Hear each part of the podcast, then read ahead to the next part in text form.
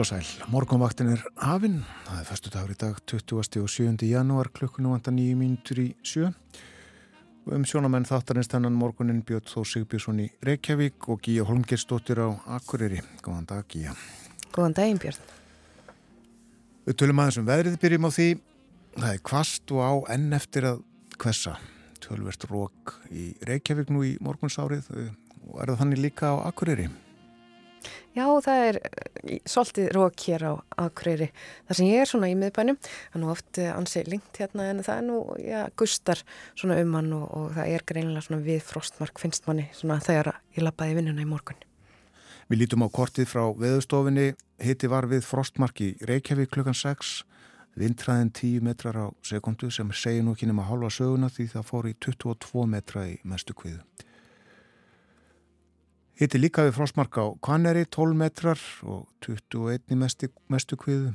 Einstigs hitti í Stikisólmi 10 metrar þar. Og uh, þó ég hafi yfir þessar vindtölur þá hefur fólk að í huga verið miklu kvassara í þessum mestu kviðum. Já, 10 metrar að jafnaði í Stikisólmi. Allskíja þar. Eins og tveggjastega hitti vestur á fjörðum, 1 gráða á Patrísfyrði 10 metrar 2 gráður í Bólungavík 12 metrar á sekundu þar. Einstegs hiti á Holmavík og 16 metrar. Og það snjóaði við Littlu ávík hiti við Frosmark á Blönduósi 10 metrar þar á sekundu sunnanátt 16 metrar við Söðanesvita og fóri 37 metra í mestu kviðu. Og það er alls ekki stætt í slíkum vindtraða tveggjastega hiti. Þryggjastega hiti segir viðstofan á Akureyri eh, þar var lítilsátt að snjókoma fyrir tæpri klukkustund og söðvestan sjö sló í 20 metra hitti við frosmark á Húsavík til tullega hægur vindur þar. Einstegs hitti á Rauvarhöfn á 7 metrar þrjárgráður á Skeltingstöðum tvær á eilstöðum heiðskýrt á eilstöðum vindræðin þetta 12 metrar eitthvað svo leiðis og eh, þryggjastega hitti á höfni Hortnafyrði fjóra gráður á Kvískerjum tvær á Kirkibæðaklustri kvast þarna.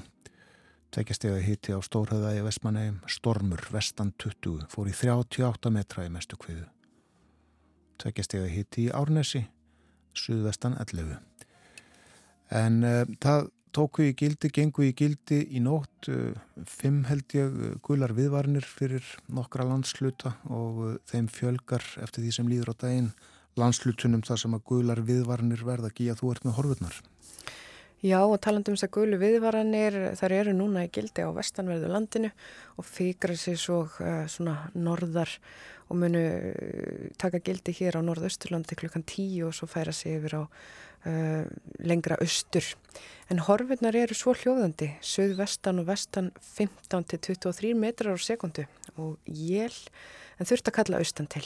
Úrkomu minna setnipartin og fyrir að draga úr vindi, heiti kringum frostmark og söðurlegar í nótt og fyrir að rigna, söðurleg átt víða 8-15 á morgun og rigning en söð vestlegari og skúri síðteis fyrst söð vestan til. Hiti 3-8 stig, slitjél og kólnasmá saman um kvöldið. Já, svona hljóma veður horfurnar og það er nú önnu lagðið mitt eh, sem kemur á morgun til okkar þegar þessir verður búnar. Já, og veðrið almennt með þeim hætti að uh, samgöngur munu raskast, vegi lokast og uh, flug er með allt verðum hætti heldur en til stóð. Æsland er meirað að minna feldi niður aflýsti öll sín flug til og frá landinu núna fyrir part dags en ég held að play fljúi frá keflaðugur flugil og uh, sé ekki betur en að nokkrar flugvila séu þegar farnar. Við skoðum þetta alls saman betur og eftir. Það er ímislegt á dagskrá hjá okkur, við förum yfir dagskrána eftir frettinnar klukkan 7. Við töl hjá okkur og umfjöllun og líka tónlist. Og við setjum lag á fónin, Dusty Springfield syngur fyrir okkur fyrsta lag þáttarins þennan morgunin, Son of a Preacher Man.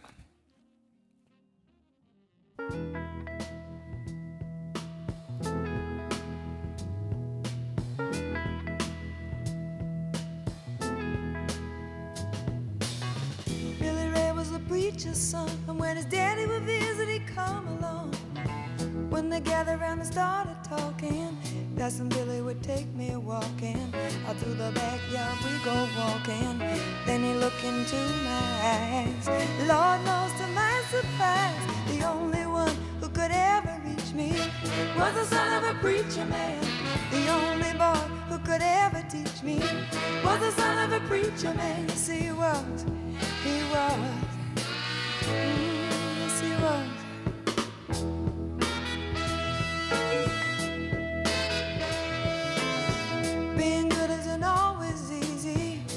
matter how I try.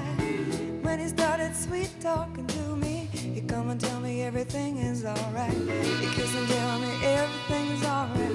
Can I get away again tonight? The only one who could ever reach me was the son of a preacher man.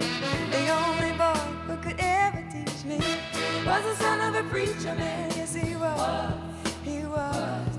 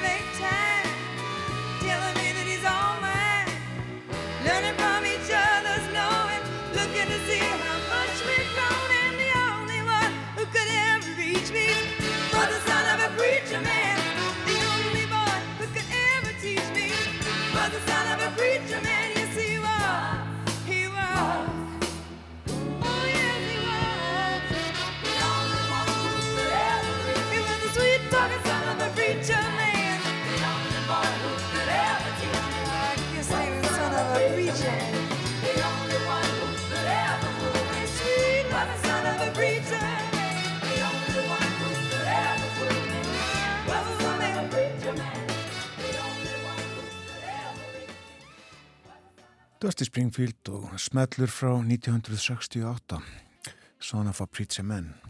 Dusty var þá 30 og hafi verið í bransanum í tíu góð ára eitthvað svo leiðis hún byrjaði að syngja í söngflokki Lana Sistrum og var svo í hljónsveit sem að hétti Springfields.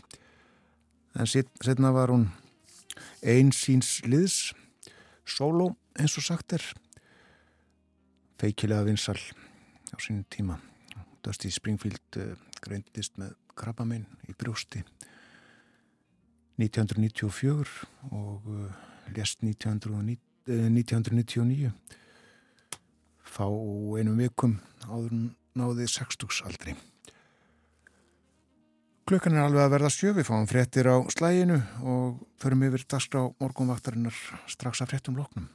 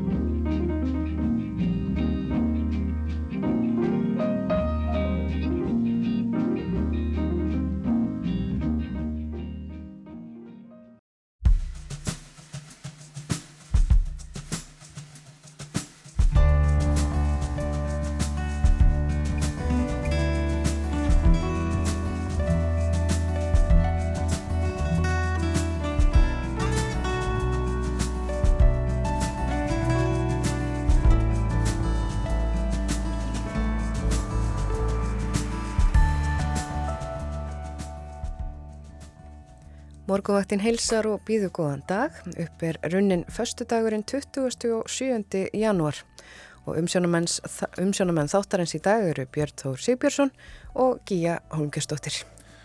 Við fjöllum um ímislegt þannan morgunin uh, og meðal annars um stöðu og rétt neytenda. Við erum jú öll neytendur. En þannig er að um þessa myndir, bara þessa dagana, eru liðin 70 ár frá stopnun neytenda samtakana. Og af því tilhefni verður Breki Karlsson formaður gestur okkar klukkan halv átta. Við ætlum að spjalla um aðdragandan að stopnun neytenda samtakana, starfið síðustu 70 árin og já, stöðu og rétt okkar sem kaupum vörur og þjónustu af ímsu tægi alla daga. Og úr neytendamálunum yfir í íslenskuna en nýlega byrtust niðurstöðu rannsóknar á vegum Háskólans á Hólum og Árnastofnunar um hvaða tungumál verður ráðandi í íslenskri ferðaþjónustu og niðurstöðunar þær koma kannski ekki mörgum og óvart en íslenskan ás og sannlega undir höggað sækja. Og við forvittnum nánar um þessa rannsókn og niðurstöður hennar og sláum á þráðan til Sigriða Sigurðardóttur sem er lektor við ferðamáladeilt Háskólans á Hólum og hún er einn þeirra sem að standa að þessari rannsókn. Artís Þórarinsdóttir Rítöfundur verður svo hjá okkur klukkan hálf nýju. Hún hlaut á þriðudag íslensku bókmentaverlunin fyrir bókina sína Kollnís í flokki barna og ungmennabóka.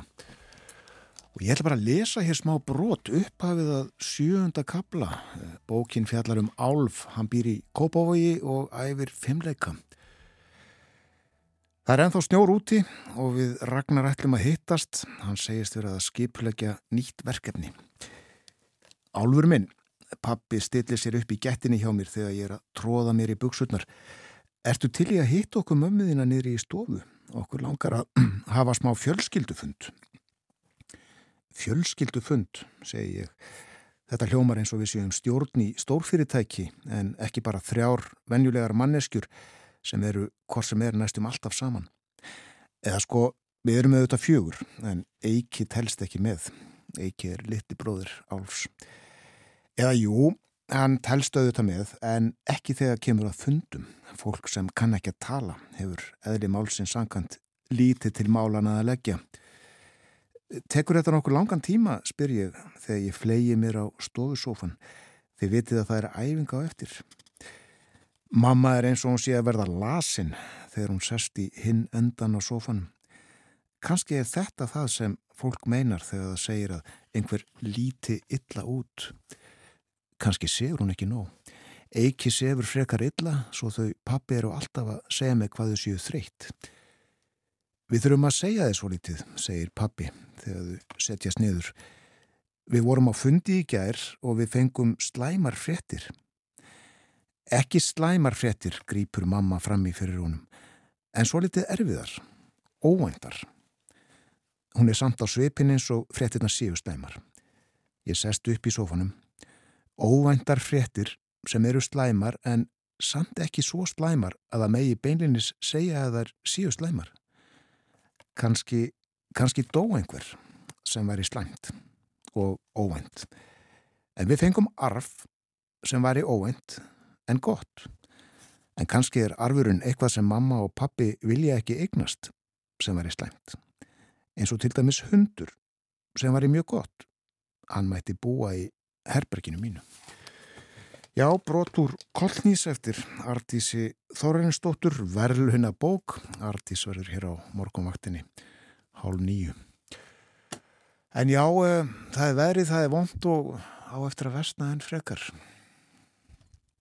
Já, svo sannlega, vond og það versnar. Í huglegingu viðfræðing segir í dag verður verslag átt kvassviðri og sumstaðar stormur. Slittujöl eða jél en dregur úr ofankomu þegar að líður á daginn og lengst af þurft fyrir austan. Dregur smásamann og vindi og í kvöld uh, orðið nokkuð skaplegt viðast hvar. Vakt frost en yfirleitt frostlust við ströndina. Og á morgun er síðan vona á enn einni lægðinni sem að keirir yfir landið. Í byrjun má gera ráð fyrir slittu eða snjókomu sem síðan færist yfir í rigningu og um, ágættan hita. Og um kvöldi verður vindur suðvestlegur með skúrum eða slittu jælnum og kólnar aftur. Þetta er svona það sem ég heyrði eitthvað tíman sagt, uh, þetta er svona hérna lægðaparti sem við erum núna í miðjunni á. Frekar leiðilegt partí, sant? Já, sko leiðilegt parti. Það mætti klárast. Það má segja að fórsýðmynd Morgurblaðsins tengist tíðinni. Það fjall flóð á Patrísfyrði í gær úr Geissirar gili og á bæin miðjan. Frekar lítið flóð, uh, engan sakaði og uh, litlar eða engar skemmtir yrðu en uh, þetta flóð uh, fjall bara örfáum dögum eftir að uh, Patrísfyrðingar uh, myndustu flóðsins 1983 þegar fjórir létust. Og eins og segir hér flóði vakti óþægilegar minningar bæjabúa og í kjölfar þess var uh, hættu ástandi líst yfir en bara í stuttastund fólk fór og, og uh, mataðstæður og uh, sá að það var ekki ástæða til þess að hafa frekkari áhyggjur. En uh, það er fjallað hér á fórsíðu morgunblæðsins um miðlunatiluguna sem að ríkisáttasemjari laði fram í gær til að miðla málum í kjaradeilu eblingar og samtaka atvinnlífsins miðlunatilega veldur usla engur logi þar í þessari fyrirsögn.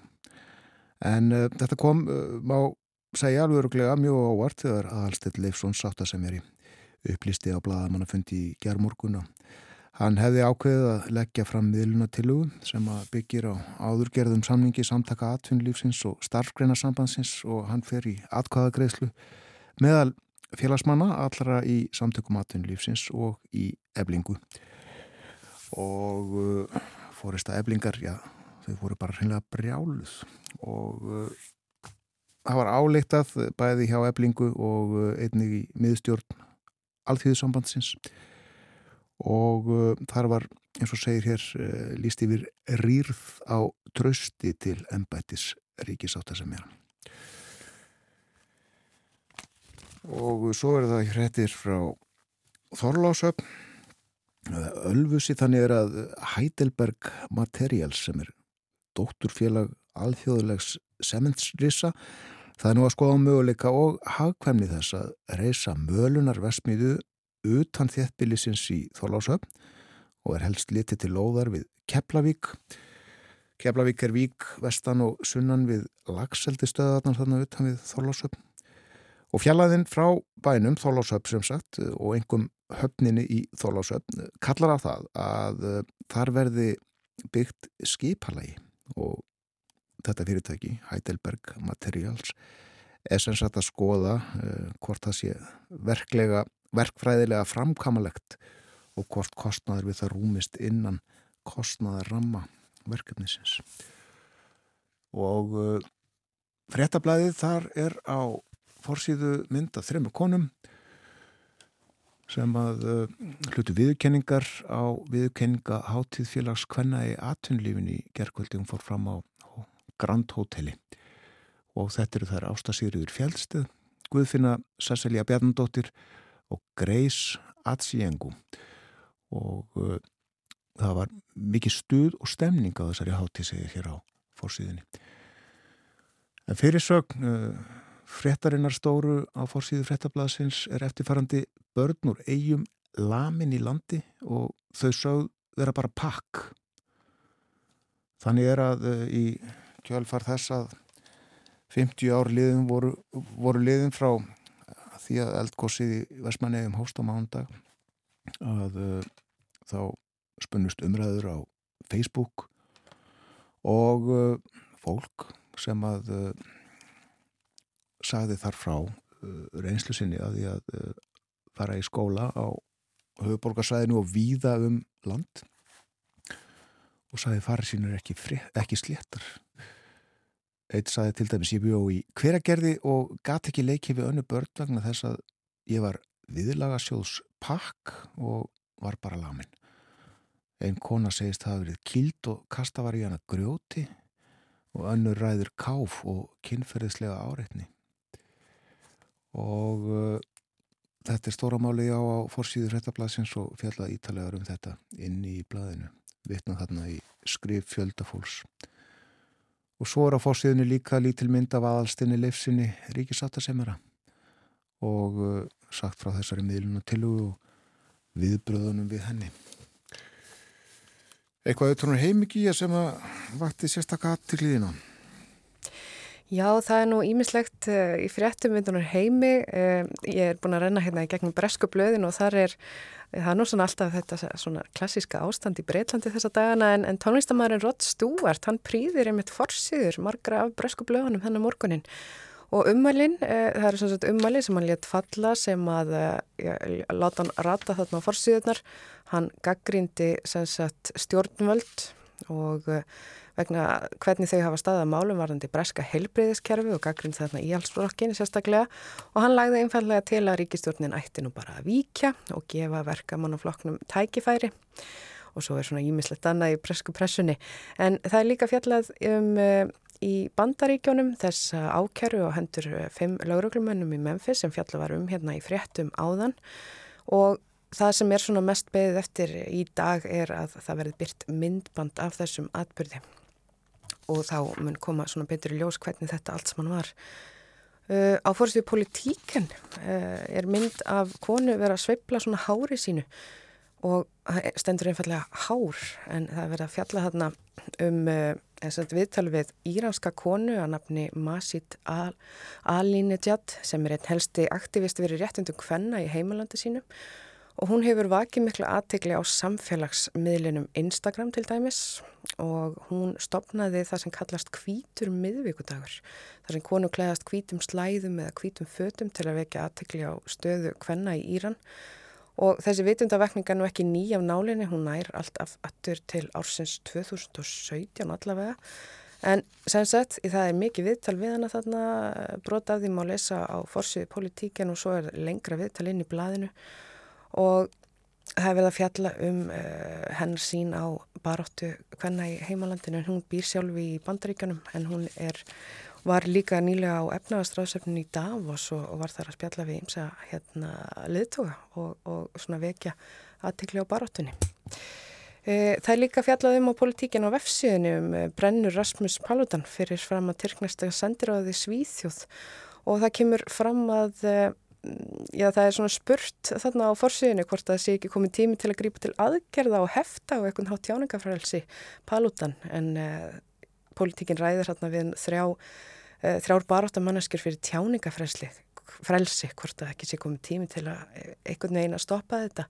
En uh, sem sagt hann ætlar að halda núna á hverjum förstu degi brennur í Kaupmannahöfn þánga til Svíþjóð fær aðelda að það er Allandshafs bandalæn það er svo spurning hvernig þetta tekst hjá honum.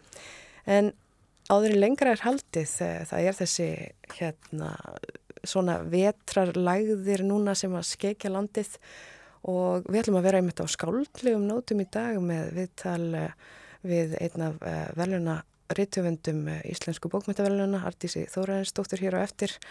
Og er það ekki verið bara um að gera að spila hérna lag sem er eftir eina af okkar allra bestu jazzsöngunum landsins, það er hún Rebecca Blöndal, lægið heitir einfallega ljó, sagt, lítið ljóð og kom út á plötunni ljóð.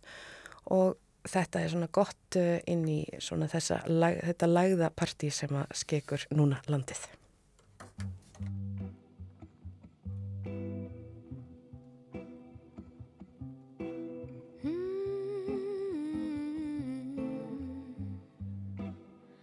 Lítið ljóð á minni smiða Stikkorð sem að lýsa þér. Dagdraumadnir í mig tósa Ég á það til að gleima mér. Lítið blik á réttri stundu. Brósið alveg brætti mig. Hóvarðin hún heldur í mig. Því ég var bara að hitta þig. Einhver smuga að þú sért með mig í huga. Látir litla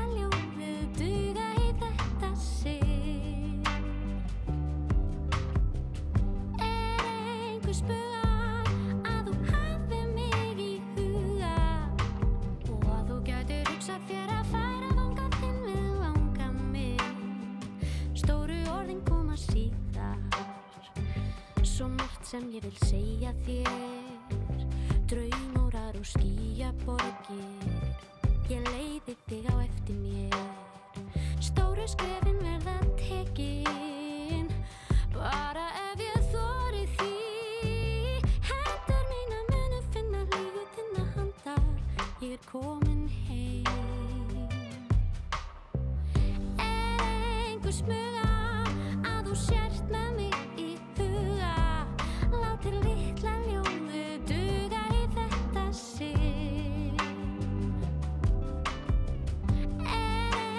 me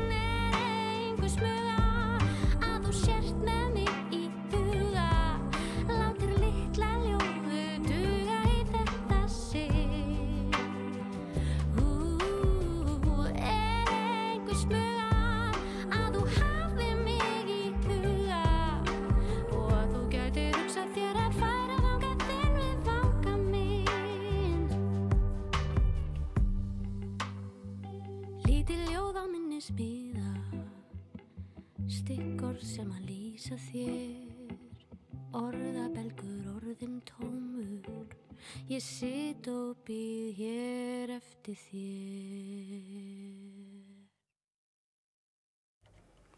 Rebecca Blöndal hér með lagið uh, Lítið ljóð. En við ætlum að fjalla um í þessum þætti með neytenda samtök og svona sögu þeirra, Björn.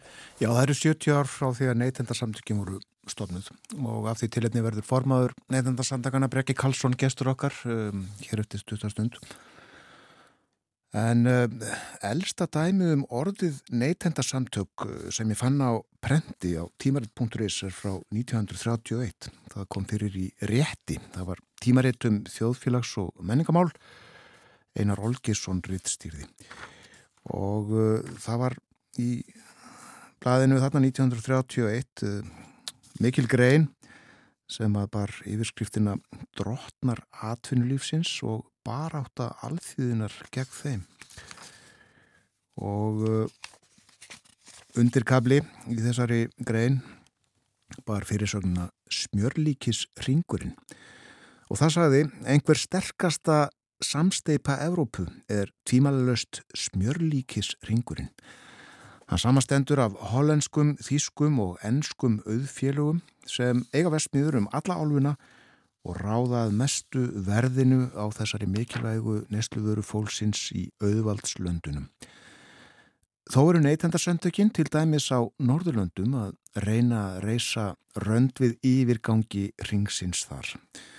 Og uh, svo var sagt frá því að uh, slík neytendarsamtök uh, hefðu hafið smjörlíkisframlislu, slík samtök sem sé í Svíþjóð og hafðu sett að fótu versmiðu framlislu til þess að keppa við smjörlíkisringin.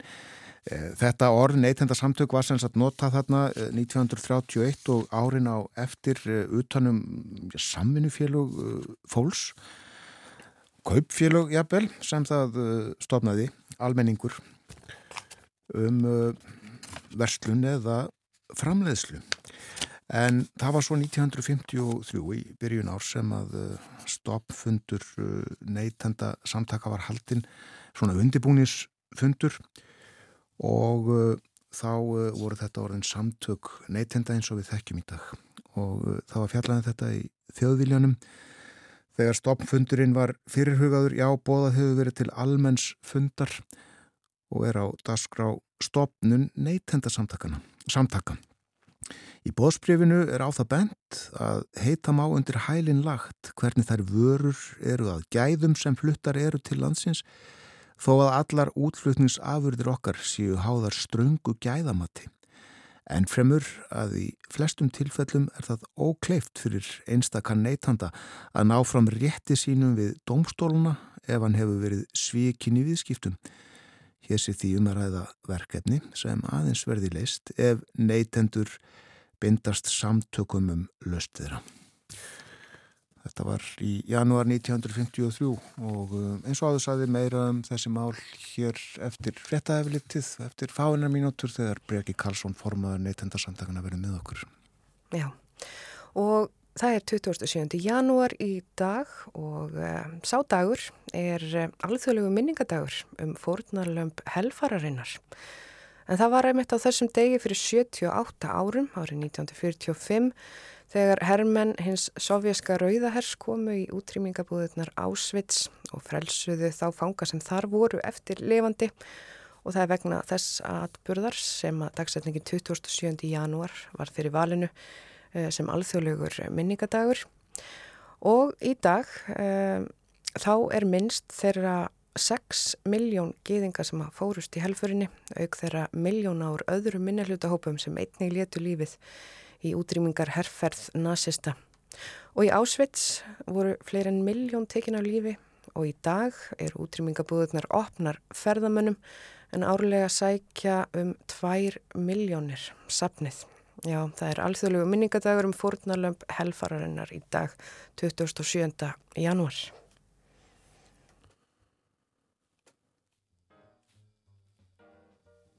Aðeins að ástandi á vegum landsins. Við sjáum í tilkynningu frá vegagerðinni að uh, það er eitthvað um jæljagang og skafræning á vegum á Vesturlandi og svo segir vatn flæðir víða yfir vegi á svæðinu.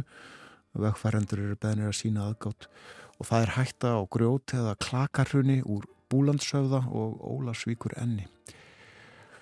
Vegurinnum Dinjandis heiði er ófær og það er hálka eða snjókoma og eitthvað um krapa almennt á vegum á vestfjörðum og þar flæðir líka vatn víða yfir vegi.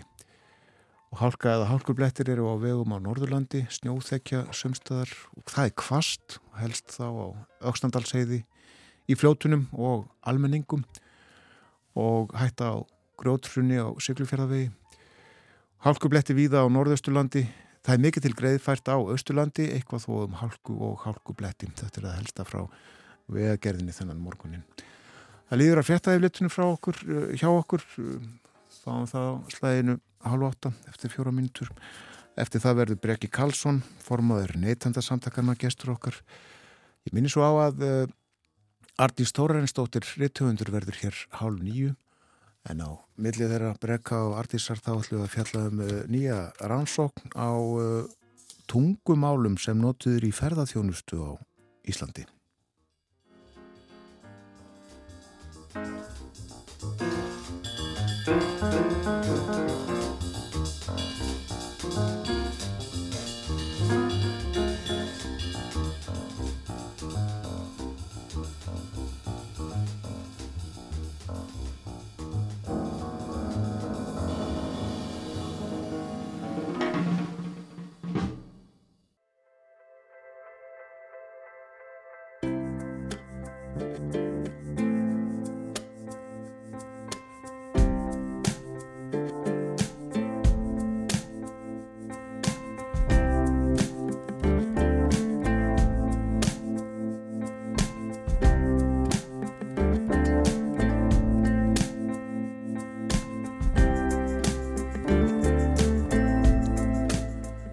Aftur þeir það hlusta á morgunvaktina á Rás 1.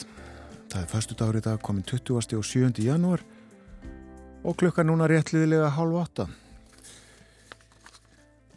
Ég minni á að Artís Þórensdóttir Ritthöfundur verður hjá okkur klukkan hálf 9. Hún hlaut á þriðut á Íslensku bókmæntavelunin í flokki barna og ungmennabóka fyrir bókina Kollnís. Lásum hérna stutt brot úr bókinni í upphafskynningu þáttarins. Og spjöllum við Artísi um Kollnís og um bækurnar hennar hennar fyrri skrifaði hennar tíu þar um bil. Skrif almennt og lestur. Ætlum lesi mikið? Við erum eitthvað tíma til þess? Og eftir morgunfréttinnar þá ætlum við að heyra af nýri aðtöðun, nýri rannsókn Hvaða tungumál allir sé ráðandi í íslenskri ferðarþjónustu? Það var ansakað og við heyrum af niðurstuðunum á eftir. Áður en lengra er haldið þá langar með að vekja aðtikli á þætti eða þáttaröð þáttaröðinni Stormi í sjónvarpinu hefst á sundarskvöldið og það er COVID undir og yfir og allt um kring og hún að segja að COVID faraldurinn sé svona heldur leðilegt og niðurdreipandi umfjöldunarefni En í stormi er fyrst og fremst fjallað um fólk, um uh, ákvarðanir og aðgerðir og þannig eru miklar tilfinningar, reyði vonbriði, kannski líka gleði og við sjáum meðal annars fólk sem við þekkjum svo vel úr fjölmiljónum í öðru ljósi en áður, í öðrum aðstæðum. Það er að fá fréttir og upplýsingar og bregst við þeim, tekur erfiðar og íþingjandi ákvarðanir fyrir allt samfélagið. Já, stormur þeirra Jóhannesar K.R. Kristjánssonar og Sævar Guðmundssonar í sjónvarpinu á sunnutaskvöldið. Og mér langar líka að vekja aðtekli á því að uh, á sunnudagin líka þá verður sínd í Bíó Paradís heimildamindin Eld Eyjan en hana gerðu Pál Steingrímsson, Áskir Long og Ernst Kettler og það er í henni fjallaðum gósið í Vesmanegum og þeir gerðu myndina sjálft gós árið þess var jú minnst á mánudaga þá eru liðin 50 ár slett síðan gósið hóst í Vesmanegum og eftir síninguna í, Bíóparadís klukkan þrjú á sundag þá mun Ólaf Lárusson, eigamaður og björgunarsveitamaður ræða við áhörundur. Hann tók þátt í björgunar aðgerðunum í eigum á sínum tíma. Þetta var tilkynningahotnið. En nú ætlum við að fjalla um neytendarsamtökin. Það eru 70 árum þessa myndir frá því að þau voru stopnuð og uh, af því tilefni er uh, komin í þáttin formaður neytendarsamtakana Breki Karlsson. Góðan dag og velkomin. Takk fyrir, góðan daginn. Var talsverður aðdragandi að þessu uh, undirbúnisfundur í janúar 1953 ekki satt og uh, svo stoppfundur eiginlegur formlegur í massamár. Já, það er rétt og ég vil ennþá lengri því að aðal kvatamæðurinn Sveitn Áskeirsson hann held uh, ja, erindi tvö í ríkisútvarpinu uh, í aðdragandagunum í oktober 52 það sem hann kallaði eftir því að, að neytendur myndu saminast og, eins og aðrir seljendur höfðu gert þá þegar og kallaði þetta, þetta væri eins og að, að búa við stóra aðalgötu það sem, sem væri full af steinum og, og, og hérna, það þurfti sameigilegt áttak til þess að riðja þessum steinum úr götu neytenda. Já, Sveitn Áskilsson, já, uh, hagfræðingur og uh, vann hér hjá útvarpinu, gerði þætti meðal annars vogun vinnur, vogun tapar Mhm. sem voru að dagskrá, ef ég mann rétt 1958 og 59 við leikunstundum brot úr þeim. Merkilegu maður Sveit, hvaðan fekk hann þá hugmynd að, að þetta samfélag þyrti neytendasamtök? Þetta er mjög góð spurning því að neytendasamtökin eru líklega meðal eldstu neytendasamtaka í heimi, þriðju eða fjóruðu eldstu samtökin og, og En, en að öllu líkindum þá, þá uh, var Sveitn, við vitum það að Sveitn var við nám í Svíþjóð, hagfræðinámi. Og uh, í Danmörku á þessum tíma þá hérna, hafðu danskar húsmæður stopnað með sér neytendasamtök. Og neytendasamtök danskra húsmæðra og að líkindum, á þess að ég þekki þá sögu uh, gjörla þá, þá hérna, hefur hann fengið þessa hugmynd, hugmynd þar En við vitum það að, að, að dönsku neytendasamtökin, þau frönsku og, og þau bandarísku eru eldri heldur en þau íslensku en, en við er, þekkjum ekki að, að önnur neytendasamtök séu eldri heldur en, heldur en það. Hvenær var farið að velta fyrir sér einhvern rétti neytenda almennt í heiminn? Það var nú ekki fyrir sko 64 þegar að, að John F. Kennedy tilkynni það að, að hérna, það væri til hópur fólks sem ja, fæstir fjöldluðum og hefði ákveðin réttindi hérna, tilgrindi fjögur réttindi neytenda og, og er runni bjóð til hópin consumers eða, eða neytendur og, og hérna, síðan þá, þetta var 15. mars og síðan þá hefur sá dagur verið svona alþjóða dagur neytendaréttar Já. Þekkir þú vel söguna uh, svona, af, frá upphafs árum neytendarsamtakana í Íslensku? Já, í tilefna afmælunu hefur maður svona lagst í smá grúsk og, og aðeins hérna, hérna skoða þannig já og, og það er kannski ber hæst að, að, að um, nánast um leið og samtökinu eru stopnuð þá, þá hérna, er höfðað máls, eh, mál, domsmál gegn þeim. Gegn samtökum? Já, í svo kvöldu Vílevask það var danst þvóttæfni sem hétt Vílevask sem var sem hver, hvers hérna, innflytjandi uh, staðhafið að þetta væri mun betra uh, þvóttefni en heldur nokkuð annað hér á markaði og uh, gerði þvóttin miklu auðveldari fyrir, fyrir fólk, aðalega konur á þessum tíma.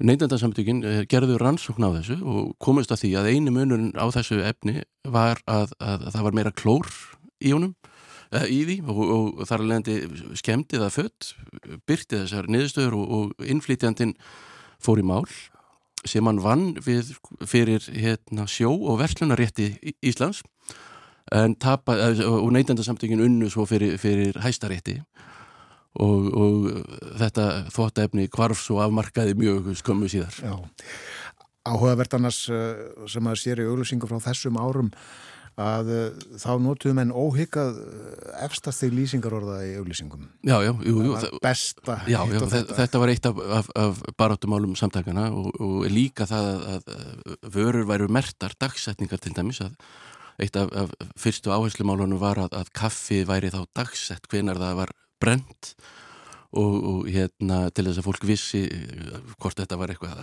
ára gamalt kaffi sem að var að kaupa út í búð eða, eða hvað. Og þetta tók átök eins og runni öll réttindi neytenda. Það, það hefur verið barist fyrir öllum rétti okkar neytenda og það ekkert þeirra eh, hérna kemur á sjálfu sér. Nei. Það saði í umfjöllunum samtökin á sínum tíma þetta 1953 uh, um tilgang félagsins segir í þriðugrein laga markmið samtakana er að gæta hagsmuna neytenda almennt í Reykjavík. Þetta, voru fyrst, í fyrstu sko, samtök uh, neytenda í Reykjavík. einmitt. Tilgangi sínum hegst uh, samtökin meðal annars ná með því að uh, vaka yfir því að fylsta tillit sé tekið til neytenda almennt þegar settar eru reglur eða ákvarðanir tekna sem snerta hagsmunni neytenda.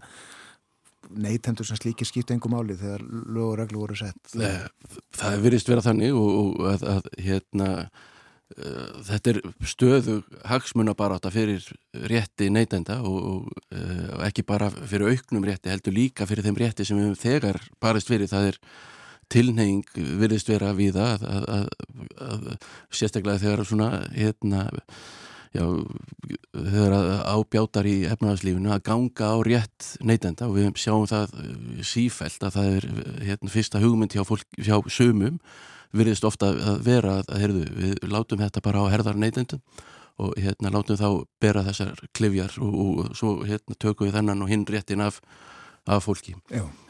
Meira deginum í dag hér rétt á eftir en, en uh, áfram úr stoppskráni uh, neytendarsamtökin uh, eiga að upplýsa almenning um gildi vöru vals og eða hvetja til þessa stjórnvöld geri það. Og nöðsinn þess að standa á verði um það að láta ekki blekkjast í viðskiptum. Og öryggi í viðskiptum að það verði aukið með því að komi verði á fót gæðamati og gæðamerkingum, það er líklega það sem við varst að tala um á þann neytendum til leiðbynningar, til dæmis dagsetningar Einmitt. og uh, svo átti að stuðla því á allan hátt að á bóðstólum séu fyrir almenning nægar og hendugar vörur og almenn þjónusta í samræmi við hagsmunni neytendars. Tryggja uh, vöruframbóð. Já, já, til dæmis og, þetta er náttúrulega bara ennþá í, í, haft í heiðri hjá okkur í, í samtökunum en náttúrulega á, á miklu víðtækara sviði heldur en, heldur en áður. Mm. uh, neytendasamtökun voru til dæmis í, í svona hérna í, í, í oddinum þegar, þegar að gatt samlingarnir voru teknir upp. Við, við höfum verið að berjast gegn uh, tollum og, og öðrum gjöldum hérna í gegnum tíðina.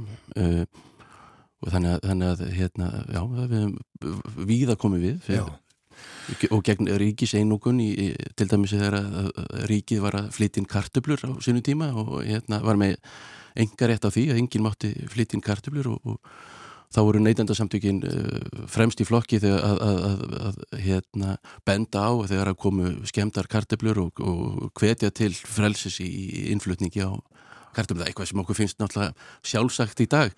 En, en, en tegir ánga sín enn þann dag í dag til, til, hérna, til dæmis er, eru núna tollar á, á hérna, innflutningi á, á frönskum kartelum sem, sem ekki er til verndar neinum því að, því að það er engin framleiðandi hér á Íslandi sem, sem framleiðandi framleiðir eh, franska karteblur þannig að þetta er einn af þessum uh, já, sífæld, einn af þessar sífældri baróttu okkar í, í samtökunum. Já, En hvað viltu segja um, um uh, aðkomu, ef við getum sagt sem svo samtakana núna að vaksta á verðhækkunum sem að fara mjög illa með fjárhag margra heimila?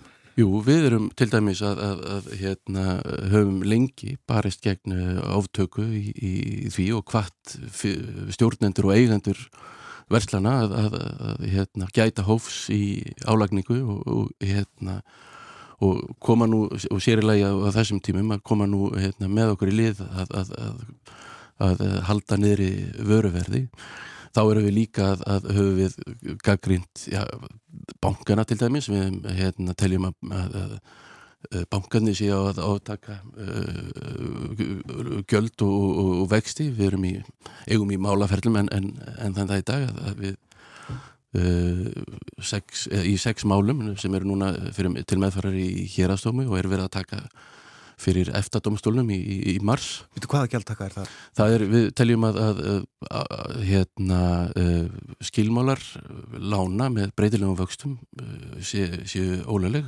sem og framkvæmt vaksta breytinga. Það er að segja að bankanir hafa í, í gegnum tíðina tekið sér sjálfsvald í að ákvarða vexti og, og við teljum það ekki samramast lögum um, um neytendalán. Já. Og niðurstaða vendaleg með vorinu eða?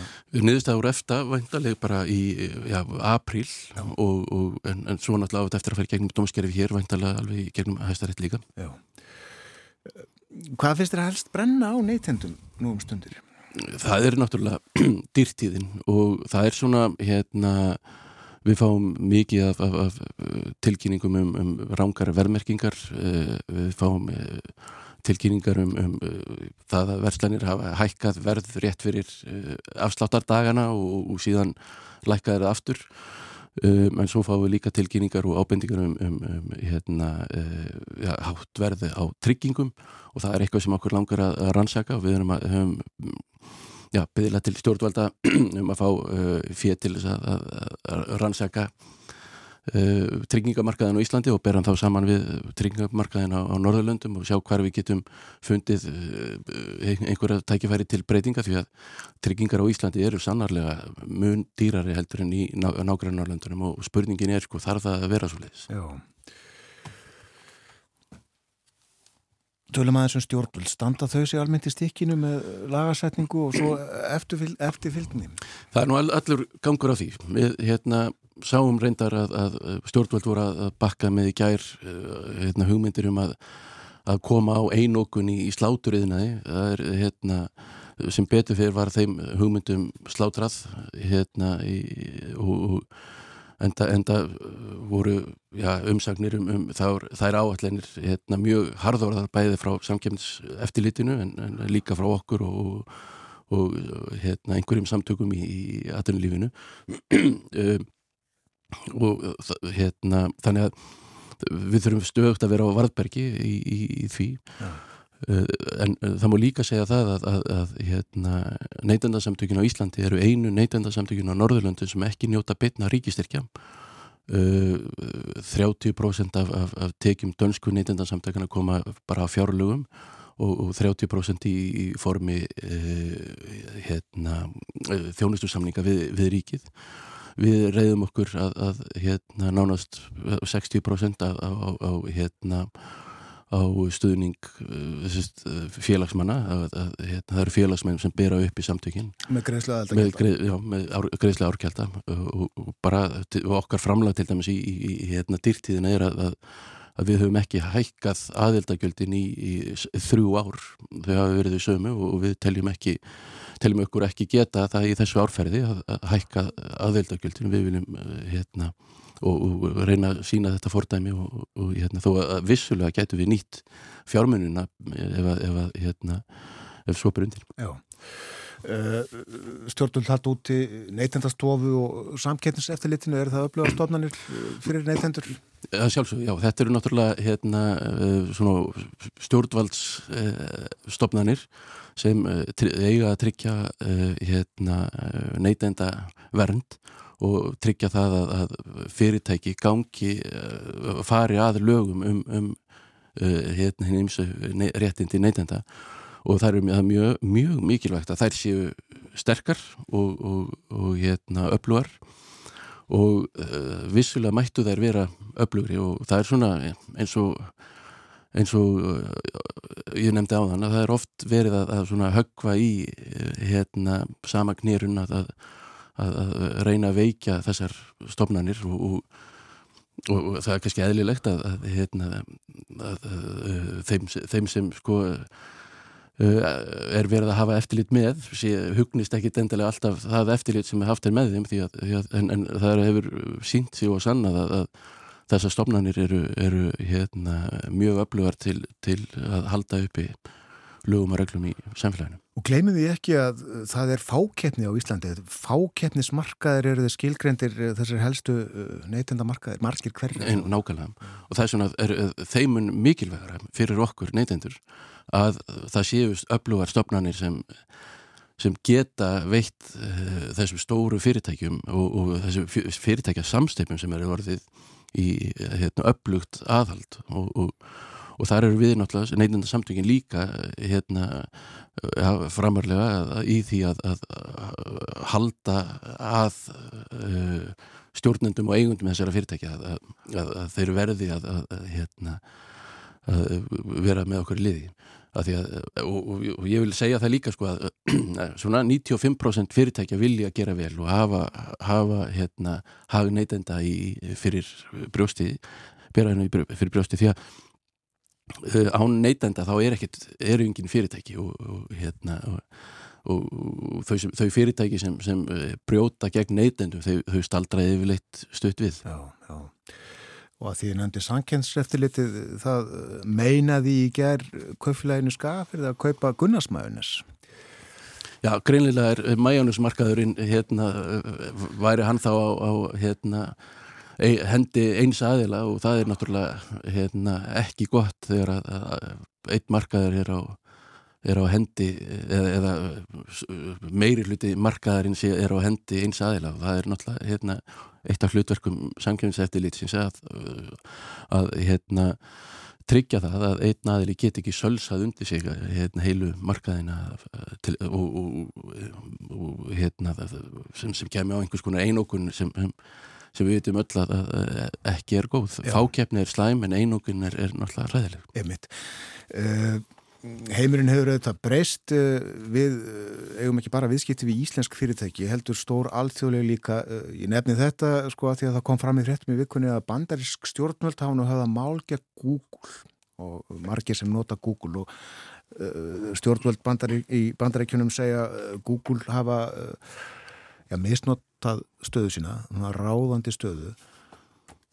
Ég hugsaði þetta er, þetta er áhugavert stort skref hjá bandarískum stjórnvöldum. Ég sá ekki alveg fyrir mér þegar ég hugsaði um að íslensk stjórnvöld fara einhverja svona leið. Nei, þetta er nú eitt af því við, við hérna uh, nefndansamtöngin 2019 þegar við skil, skilgrindum okkar grunnstefnu þá, þá tóku við inn stafræn réttindi neytenda og, og þessi stafrænu réttindi er að verða sterkar og sterkari þáttur í okkar, okkar starfsemi og, og það er eitthvað sem við höfum líka verið að vinna með eins og segir sko, þetta er ekki fyrir eitthvað eitt hérna eitt, einn lítil samtök á Íslandi heldur erum við í samstarfi í því við til dæmis hana 2020 þá sendum við beðni til stjórnvalda begja vegna allansála, neytandarsamtökin ásamt 50 og eitthvað öðrum samtökum í heiminum hérna, þá sendum við beðinu um að það tæki bæði Google og, og reyndar Meta eða Facebook hérna, til skoðunar. Og það má ekki gleyma því að, að, að það er ekki langt síðan, það eru hérna, held ég síðustu eða þar síðustu viku þá sektaði eh, Európu-sambandið hérna, Meta sem er móðu fyrirtæki Facebook og Twitter og, og þess vegna og bannaði þeim með 70 miljónir evra og, og bannaði þeim að, að sapna upplýsingum á, á þannig hátt sem við höfum, eh, sem við höfum verið að, að þessi fyrirtæki hafa verið að gera. Og þetta er nákvæmlega það sem við höfum verið að Að, hérna, berjast fyrir. Og, og þetta er svona í, í hérna, grasarútinni mjög sterk hreyfing gegn þessum bæði þessum ringamyndunum eins og, eins og Google sem, hérna, sem, sem eru að vöndla sinni vöru að, og, og reyna að koma í veg fyrir að önnur fyrirtæki uh, hérna, komi að, komist að með sína, sína vöru og svo þessi söfnun upplýsingar sem reyndar Google, Google Analytics og Facebook eru að, er að sapna um okkur alla daga og, og það, það er mjög sterk eh, undiralda í uh, sérlega því að við störfum mest með neytendasamtökum í Európu, sérlega í Európu gegn þessum hérna, það sem við kallum njóstna hagkerfi, að það sem er að vera njóstna um okkur, safna upplýsingum og, og selja svo áfram til þess að hafa áhrif á okkur, ekki bara til þess að kaupa vörur heldur líka hafa áhrif á stjórnmálaskoðanir okkar eða, eða það, það er bara eiginlega hugsaðan ganga okkar Einmitt. og þetta er gert á þennan á svona læfisan hátt að við tökum ekki eins og eftir því. Nei, það þarf að berjast gegn þessu. Nókana. Já. Verður mikið gert í, í tilefni að ámælinu? Já, við erum að, að hérna, ætlum að vera með uh, smá fagnað núna hérna í mars og uh, við erum að reyna að, að kalla saman allt starfsfólk og all, allar stjórnir hérna, neytendasamtökuna þar sem þeirra sem eru með, á meðalvor og, og ætlum að, að hérna, fagna því og, og, og svona því að það má ekki gleyma því að, að hérna, neytendasamtökin eru rauninni bara félagsmenn og, og, og, og þeir sem starfa hjá okkur og, og hérna uh, og síðan í, í haust ætlum við að halda uh, hérna uh, ráðstefnu um alþjóðlega ráðstefnu um, um hérna neytendur og, neytendavernd í, í hvernig hún er henni væri best fyrir komið í, í hérna uh, já, hvernig, svona best practices í, í, hérna neytendavernd Er margt fólk í samtökunum? Uh, við, það eru hérna uh, um 8000 manns í samtökunum og uh, að því að ég hef best séð þá voru þar eh, hérna, voru flestir í samtökunum í kringum á árunum uh, 1990 til 95 eða um 17.000 manns og, og auðvitað vildu við að sem flestir hérna gangi eða væru í samtökunum og, og, og því fleiri félagsmenn þeim um upplöfara starf Þannig virkar það. Kæra þakki fyrir að koma enga á morguvaktina Breki Karlsson. Takk. Breki formaður neytendasamtakana sem eru 70 þessa myndir. Framundan eru fréttir hjá okkur á morgunvaktinni kom eftir uh, tæpa 5 mínútur.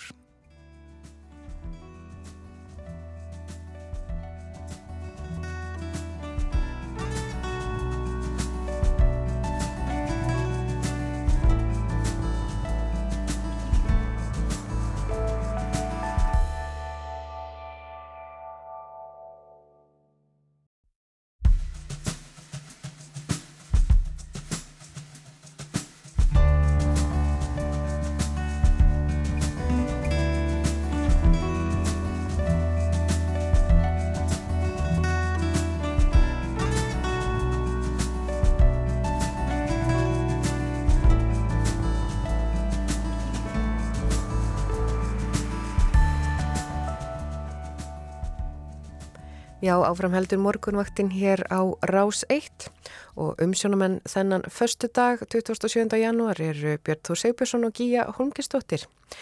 Um, við vorum áðan hérna að spjalla við hann Breka Karlsson, forman neytenda samtakana og hann er uh, lagður á stað út í daginn, hann spjallaði við okkur um uh, neytenda samtökin og sögu þeirra en uh, þau eiga 70 ára afmæli um þetta árið. Svo verður hérna hjá okkur á eftir hún Ardís Þórarinsdóttir, rítöfundur. Hún fekk íslensku bókmyndavelun fyrir bókina Kollnís í flokki barna og ungmenna bóka og eh, já, það er nú ímislegt að ræða við hana.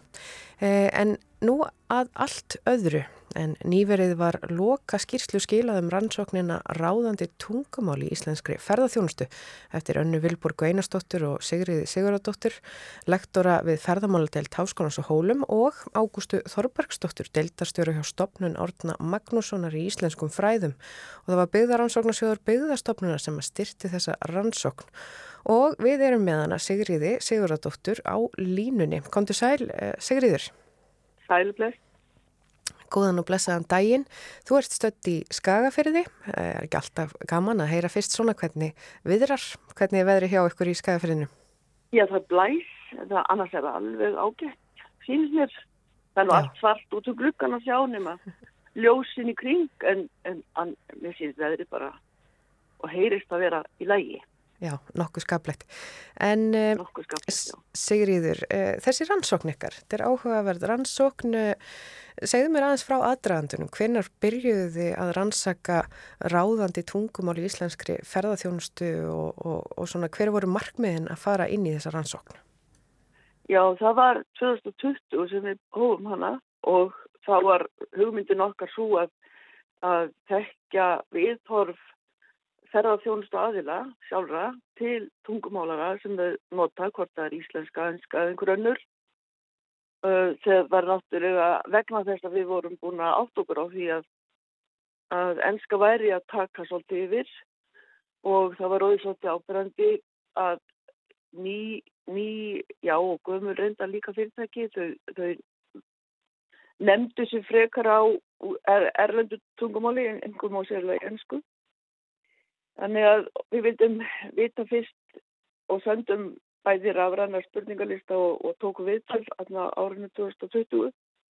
Uh, völdum þá uh, út sem úrtak uh, ferðarþjónust fyrirtæki sem báru erlend heiti og það var náttúrulega mei, meira hluta þeirri ennsk heiti og spurðum hvað, hvað tungumæl var í notaðið markasetningunni, hvernig stóð á nafngift fyrirtækinsins eða hvað er á bakvið hana sko. Hver var í markkópurinn hvort var verið að uh, hvernig gengi að fá uh, íslensku kærslu fyrir erlend starfsfólk og svo frammeins og frammeins og mm -hmm. skilta kom út úr þetta 2021 og þar þá bara nafnið ráðandi tungumál í íslenski ferðarþjónustu En við heldum svo áfram og tókum fyrir uh, bara að skoða frá að til auð Hver, hversu mörg fyrirtækir raunverulega nota erlend heiti.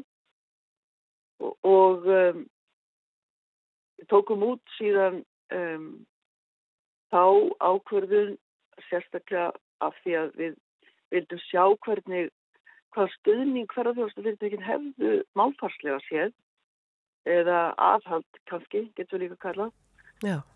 frá baklandinu eða stóðkerfinu og þá höfðum við, við augustaf á, á sveitarfélagunum og markastofunum, landslutarsamtökunum, styrtasjóðum sem eru er á þeirra vegum Mm -hmm. til þess að sjá þetta. Akkurat. Uh, það var greinilega margt skoðað en hver, hverja voru svona helstu niðurstöður? Já, þær eru er unverulega þær að, að uh, 40% uh, þeirra sem að Ísland, bara fyrirtækja á landinu bera erlend heiti um, og þá er ég að tala um lögheiti við Mm. skiptum þessu, skiptum þessu upp í lögheiti, lögheiti og markaðsheiti vegna þess að, að uh, markaðsheitin eru notuð uh, fremur í markaðsetningunni og auðlýsingum og þar eru ívið fleiri sem að hérna, nota ensk nöfn. En um, þó þau beri sko lögheiti á íslensku. Já, en þannig að hérna og þeim hefur fjölga við skiptum síðan hópnum í, eftir aldri kennitölu, þar er að segja tókum kennitölunar og skoðum þá sem að hafðu komið inn sem ferðunastu viðtöki eftir 2010 og þar eru ívið fleiri. Með erlenda öfneldur en áður. Já, en um, í sambandi með málstefnu sveitafélagana þá kom okkur eiginlega afar mikið á óvart að sjá og átta okkur á því að þau þrátt fyrir að það sé raunverulega hverðið ám það í, í sveitastjórnarlögum frá 2011 að sveitafélagin setja sér málstefnu þannig að það sé svona einhver kannski leið, leið, leiðsögn eða fyrirmæli gagvart umhverfinu og þá þarf Mhm. þjóðstunni líka að þau hafa ekkert gert það. Það Mhm. reynda var mjög, mjög erfið svörun frá þeim. Við, við, send, voru, við sendum fyrirspurn til 64 sveitafélaga. Þetta var í mars og april reyndar við eitthvað pækat síðan þá já, en ekki, ekki mörg. En sem sagt, það svöruðu átján af þessum 64 og þar af höfðu bara tvö sett til málstefnu. Já, að- og lögin að- þau voru tekin sagt, í gildi þarna 2000 og hvað, 11 eða 12? 11. Já, 1. 11, janúar mm. 2012. taka ekki. Þannig að sveitafélagin hafa haft svolítið langan tíma til þess að setja sér málstefnu en hafa ekki gert. Er þá, já, já, já. má segja að það sé á, bara ákveði stefnu leysi ríkjandi uh, um nótkun íslenskunar, bæði hjá opinbjörnum aðlum en líka kannski hjá ferðarþjónustunni? Ég veit ekki hvernig, hvað, hvort á fullir eitthvað um þetta, en það er ákveðin meðvitundaleysi eða fálæti í gagvart Mm. íslenskunni sem að við erum einhvern veginn að komast á niðurstöðu með. Þannig að, já, það er deila. Skoða þetta betur en menn vilja hérna, bregðast við því. Já, talandi aðeins um svona ferða þjónustu aðilina, þú talar um andvaraleysi hjá öllum aðilum í rauninni. Um, sko höfðu ferðarþjónustu aðilar eitthvað hugsað út í þetta sérstaklega og líka til dæmis um tungumálakennslu þeirra erlendu starfsmanna sem eru í ferðarþjónustunni að kenna íslensku eða svo, hver var afstæða ferðarþjónustunar? Já, hún, hún lá í allar áttir, sko, afstæðan. Þegar, þegar við spurðum um, heiti þeirra, hversu það valið erlend heiti, þá kom ekkert einlít svar. Það var engin ákveðin niðurstaða í því. Mm. Það var svörun gáfu margar þarna, vísbendingar en og, og, og, þegar það voru spurð hvað þeim fyndist um þetta, um þess að þróun á heitum í ferðarþjónustu fyrirtækjana, þá var ekki heldur neinn sérstök uh, svörun við því. Menn þóttu þetta umhugsunarverð, Mm. ekki sérstakt og óhjákvæmilegt. En, en skilur þannig að það var, það var ekki hægt að finna einhverja leiðinni í því en, en hérna já, ég hérna verða að viðkjanna að, niðurstöðnar eru þannig kom óvart að það er lítið hugsað um þetta. Akkurat. Þetta and, svona, já, svona andvaraleysi sem að enginnir þetta afstöðuleysi. Já, eiginlega eins og engum kom þetta við.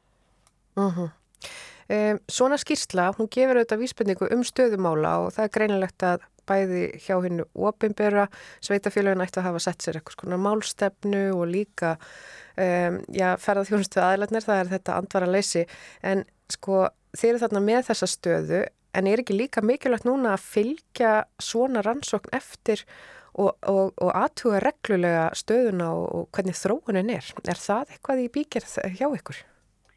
Já, við hefum ekki, sett okkur inn áform um það en, en það er sannlega ástæð til þess að taka stöðuna með ákveðina ára bíli að menn vilja skoða hvernig þessi ferill fer er ger, verður en um, ég við höfum áhuga, á því áfram að skoða afstöðu erlendra ferðamanna gagvart þessu því að við þeim blasir ekkit annað en orðið nánast sko þú horfir á skiltin sem er auðlýsa fyrir þá Já. vöru og þá innlenda ferðamenn líka.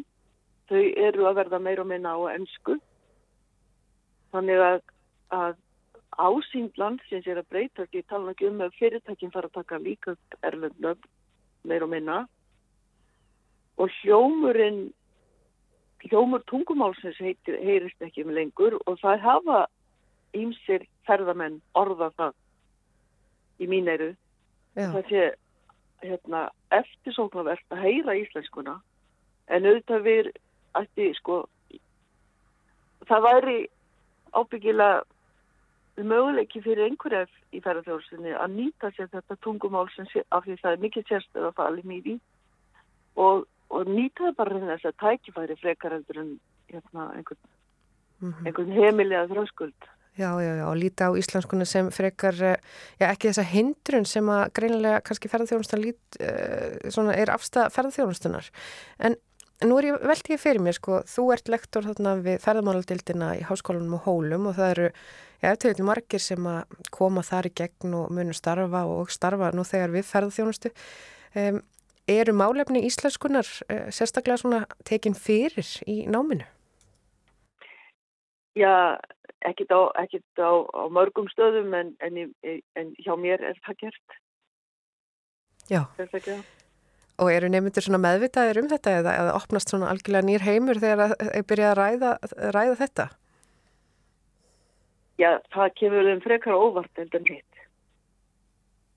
Þegar það verður að ræða um hvernig, hver staðan er. En Mhm. auðvitað sjáðu hérna, möguleikana í tungumálinu því að það er náttúrulega bara hlaðast upp alls konar tækifæri þegar þú fór að skoða hvað fælst í því.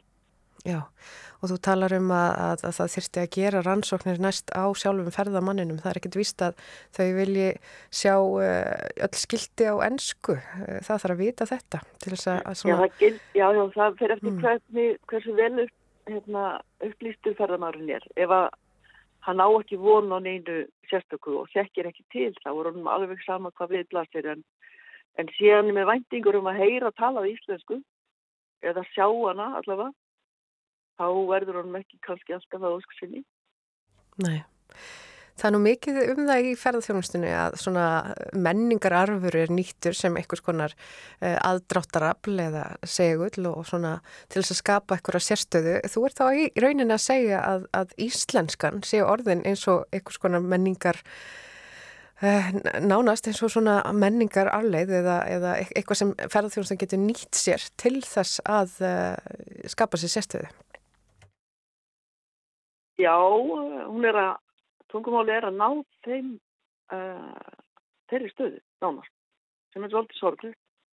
Af því að það er menningararfi falin í tungumálinn okkar, það er ekki spurning, en skilgreiningin er svo að þá erum við að fara að horfa á þetta sem eitthvað sem við erum að missa af, jáfnvel, og ekki viljum við hafa þá tilfinningu hvað tungumálinu okkar. Mm. En, en, en samt sem áður þá er hún auðvitað komin til íslenskan mjög dýrmæ, okkar dýrmætið menningararfur, það er náttúrulega í, í, í víðum skilningi þess Mm hugtaks. Og an- kannski ekki rétt að tala um það sem menningararf, er ekki menningararf svolítið svona það sem er liðið og er ekki lifandi en, en íslenskan er nú svo sannarlega en þá mjög lifandi tungumál. Já, ef við horfum á það út frá fyrir sjónar, því sjónarvarni þá, hérna, já, þá bara skulum við Mm. reyna að halda okkur þar sem að, að íslenskan sé lifandi. En uh, hvernig viltu að svona niðurstöður uh, nýtist? Uh, hvað getur fólk tekið út úr þessu?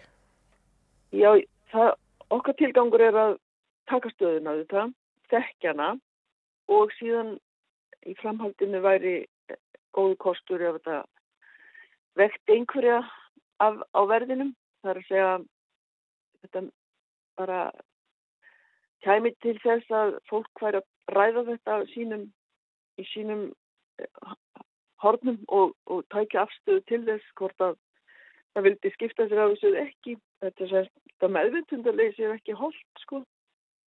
En við erum ekki að fara að setja neinum reglur eða, eða segja fólki fyrir verkum, heldur bara þó þrátt fyrir það, ég segi þetta, þá myndi ég vilja sjá sveitarfélagin setja sér málstefni, Já.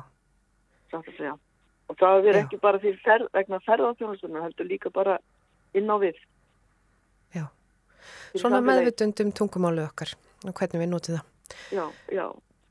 Takk fyrir uh, Sigurður Sigurðardóttir að vera hérna á línunni hjá okkur á morguvaktinni uh, og segja okkur aðeins frá þessari sko, rannsókn, ráðandi tungumáli í íslenskri ferðaþjónustu sem að þú vannst þarna á samt uh, önnu Vilborgu Einarsdóttur sem er ein, einnig lektor við ferðamáldeild Háskólas á Hólum og svo Ágústu Þorbergsdóttur, deildastjóri hjá stopnun Árna Magnússonar. Uh, bara bestu kveðjur í, í skagafjörðinu og gangi ykkur vel. Takk að við fyrir það. Og eftir svona viðtalum já, stöðu íslenskunnar þá er um að gera að setja hér lag á íslensku og þetta er lag sem heitir Í löngu máli. Það er hún Una Torfadóttir sem á leik.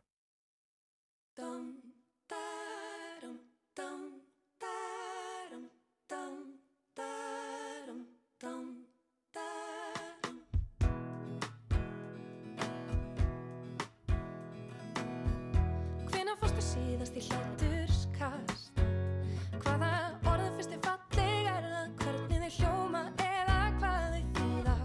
Og hvina varst þið síðast stónali Hvað er það við stað sem gerir hann kósi Hvað fyrst er erfitt en gefandi?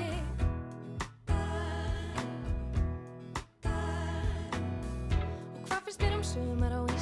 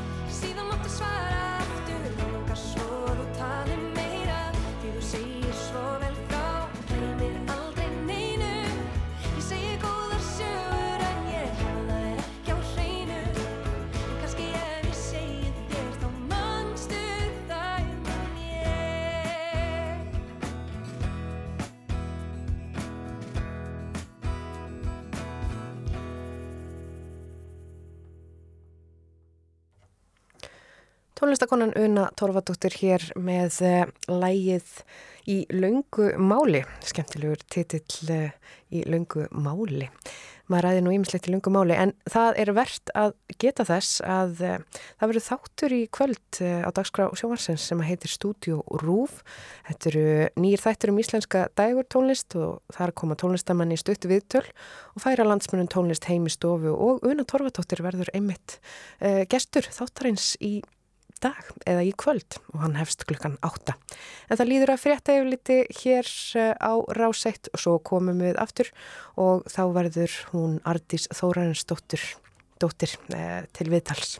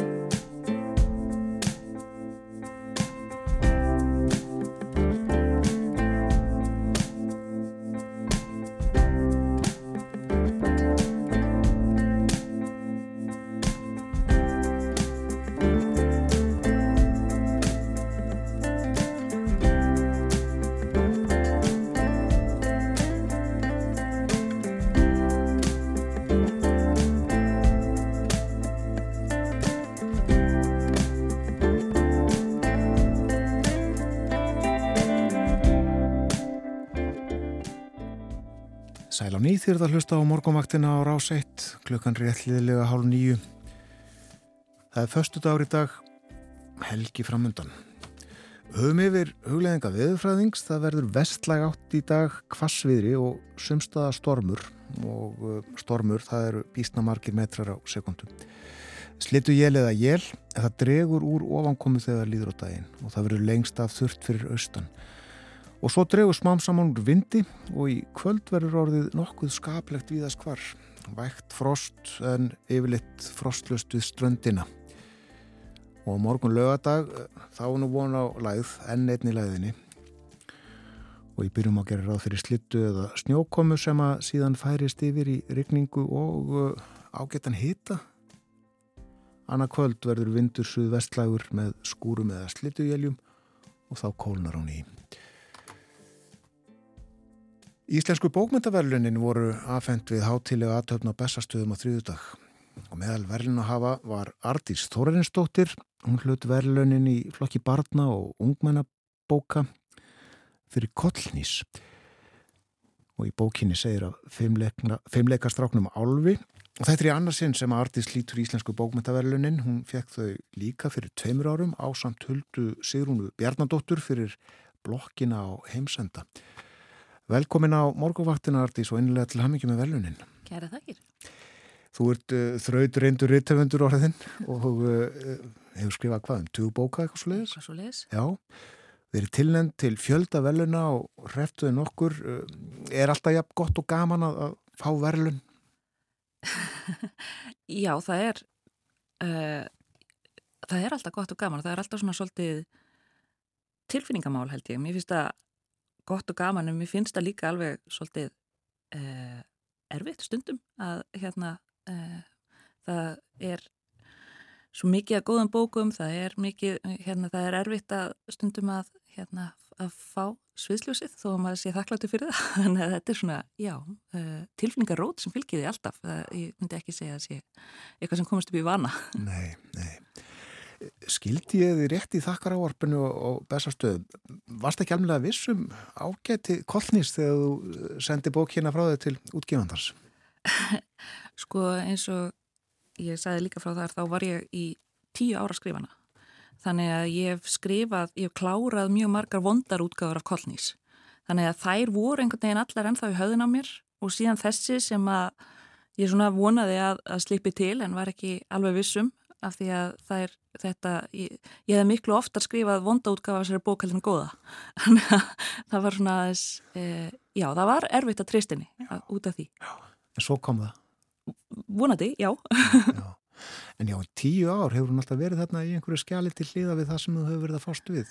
Já, það er einmitt algjört hérna, uh, mappan hennar í tölvinu minni er, er algjört ævintýra land þar sem að er hérna mappan 2012, mappan 2014, mappan 2015 og svo heldur þetta einhvern veginn alltaf áfram hérna uh, kablar sem er búið að henda út, kablar sem að senur sem þurfa að koma inn, þetta, var, þetta er einhvern veginn algjör dýragarður, þannig að já, ég, og ég er náttúrulega hætti mjög ofta að skrifa hana, þannig að ég var bara alveg hætt og, ætlaði, og taldi þetta fullreint, en síðan einhvern veginn tókaði hann alltaf í mig aftur, er virkilega engin leið að koma inn í, í einhvern eðlilegan farveg og hérna, það tinguði þá, sendi hana Já, við þökkum fyrir það. Hver á kveikjana þessari sögu á sínum tíma? Og hún var náttúrulega uh, hún saga náttúrulega hverfist um uh, fjölskyldu sem að kemst í ákveðu uppnám af því að hérna yngsti fjölskyldu meðlumirinn, hann ekki fær einhverju greiningu og kveikjan var, var svona þessar huglegingar um hvaða er að hérna um, um kannski normið og hvaða þýðir þegar að því er augrað í hérna næringverf okkar. Og þetta ferli að, að sætta sig við e, svona einhver, að einhver liti breyttar aðstöður þó það sé ekkert breyttar eins og í bókinni. Það, það hefur ekkert breyst nema að það er komið eitthvað nafn á það að hverju hérna litli bróðir er eins og að hann er sko að hérna uh, hann er ennþá sama barnið sem að uh, öllum þykir svo væntum en um leið og það komið eitthvað svona skilgreifing uh, á það eitthvað, eitthvað einhver greiningakóði þá verður allt svolítið þingra í, í augnablík allavega Og uh, aðalgæðin í bókinni, eh, Álfur, hann er ekki alveg sattur við fóreldra sína þegar Nei, þetta kemur hann- fram allt saman. hann trúir sér ekki alveg og það náttúrulega er eitthvað sem að maður veit að gerist við svona aðstæður að það er oft einhver sem að segir hvað hva eru þið að ruggla með þetta? Það er ekkert að viðkomandi. Hvað hérna, heyrðu þið að konin næsta hús er hún með ADHD greiningu fíldrugl, þú veist það er alltaf einhver hún er alveg vennileg það, það er alltaf, þetta kemur alltaf upp og þetta kemur upp í manni sjálfum og hérna þannig að já, Álfur er ekki ekki sáttur og af því að honum finnst vera svo mikil áfællistómar einhvern veginn í þessu. Já, já. Álfur í fimmleikum. Já, Krakkar í eh, íslenskum barna og ung- unglingabókum eru oft í íþróttum en yfirleitt alltaf í fótbolta. Akkur er Álfur í fimmleikum? ég uh, fór með Gunnari Helgasinni í uh, Röð skóla heimsókna á vegum Rítvöndarsambandsins fyrir nokkrum árum og Gunnar náttúrulega skrifaði frábæran bókaflokk um fótboltakrakka og, og krakkarnir í skólanum vildu mikið tala um þessa bæku við hann og, hérna, og rosaleg spenna yfir þeim. Og síðan kom alltaf röðina börnum á eftir fótboltabörnunum. En ertu til að skrifa korfbaltabók næst? En ertu til að skrifa bók um klifur? Ertu til að skrifa bók um fimmleika og, það, og ég tók eftir þetta kom upp í næstum hverjum einasta skóla það voru krakkar að byggja um fimmleikabækur og þá einhvern veginn rann upp fyrir mér hvað þetta fimmleika samfélag er rosalega stort þó að maður hafi séð sko auðvitað fréttir um hvað uh, Íslenskt afræksfólk í fimmleikum er að standa sér vel á bara alþjóðlegum vettvangi þá hafði ég ekki alveg átta mig á þessum gríðarlega fjölda yfkenda á uh, uh, barsaldri og úlingsaldri og þá varð ég meðvitið um þetta stóra samfélag sem er þarna til og, og er mjög virt. Þú varst ekki fimmleikum sjálf. Nei, það var ég svo sannlega ekki. Nei. Það, hefði ekki farið vel. En þú hefur kynntið fimmleika svolítið svo ég fyrir bókinu. Já, ég gerði það. Hérna og fekk, var heppin að fá ráðgjafa og yfirlesara úr hópi yfkenda. Já, já. Það er engin miskunni í fimmleikunum skils mér. Nei. Stífar æfingar og eft, eft, oft í viku. Já, það er mikill ægi.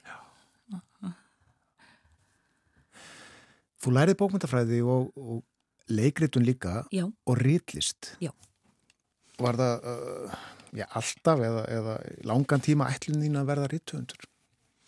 Sko ég held ég hef aldrei uh, alveg trúaði að þetta væri eitthvað sem að væri raunverulega hægt að vinna við. Ég tók eftir þessu að hérna uh, ég heldur umræðinu um kultúrkrakkana þá var alltaf verið að tala um þetta sko hvort maður hvort þetta hefði verið raunverulegu möguleiki og ég er bara svona dæmigert forréttindabat sjálf, ekki, ekki kultúrbatn en bara svona venjulegt forréttindabatn og, og þetta var einhvern veginn aldrei þú veist, það var auðvitað enginn sem sagði við mig þú veist, við í okkar fjölskyldu hérna leggjum ekki fyrir okkur listir. Og hérna, og, og ég ólst uppi mikið af bókmyndum og, og leikhúsi og öllu slíku, en ég einhvern veginn hafði aldrei tekið það til mín þú veist, mér fannst alltaf að maður þyrti augljóslega að fá sér alvöru vinnu og síðan væri hægt að dútla við hitt kannski meðfram. Um, svo sagt klára ég mentaskóla og fer í lögfræði í HÍ og ég uh, pappi lögfræðingur og, svona, og ég þrætugjörn þannig að þetta virtist svona að ganga upp en guðminn góður ég gata ekki, ég tók ekki einu svona í almennuna um hérna jólinn, ég hætti áður af því að það var alveg orðið ljóst að þetta væri ekki fara að skila neinu.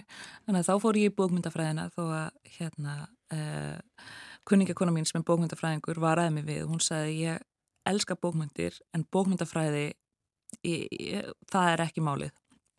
Og, og það, ég upplýði það svolítið líka sko að hérna uh, bókmyndirnar voru nærandi en teórian síður sko. Og uh, og þá en þegar ég er í bókmyndafræði náminu þá uh, kynnist ég uh, Þorleif Erni Arnarsinni sem þá var leiklistarnemi.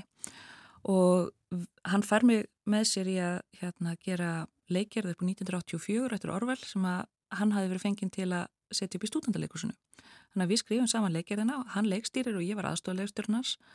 Og þá var það einhvern veginn, þá var maður þarna komið með smá leifi, má, þetta má, það hérna, e, það má skrifa og, og gera og, og, en ég var ennþá svolítið í þessu bara allt í lagi, maður þarf að fá sér gráðu, maður þarf að gera eitthvað með þetta og hérna, þannig að þá fór ég að horfa til þess að taka framhalsnám í leikus uh, einhverju, dramatúrkju eða, eða leikritun og tók þá þessa gráðu hérna í London síðan, hérna, og síðan einmitt kom ég bara heim og fekk mér alvöru vinnu.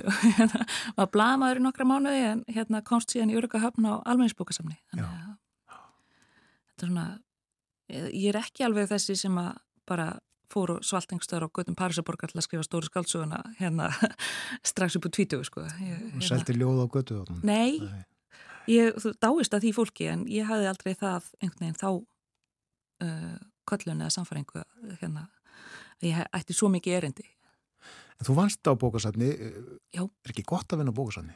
það er gott að vinna bókasamni, það er hérna uh, en það, ég held að sé ekki ég held að starf uh, sérfræðinga á bókasamnum ha- hafa breyst alveg óbáslega á síðustu 15 árum það sem að var þegar ég byrja að vinna á bókasamni 2007 það var voða indælt, það var hérna uh, mikið frelsið, þú veist, að við ætlum að búa til einhvern viðbur, þá gekk það hérna með einhver fyrirvar og svona.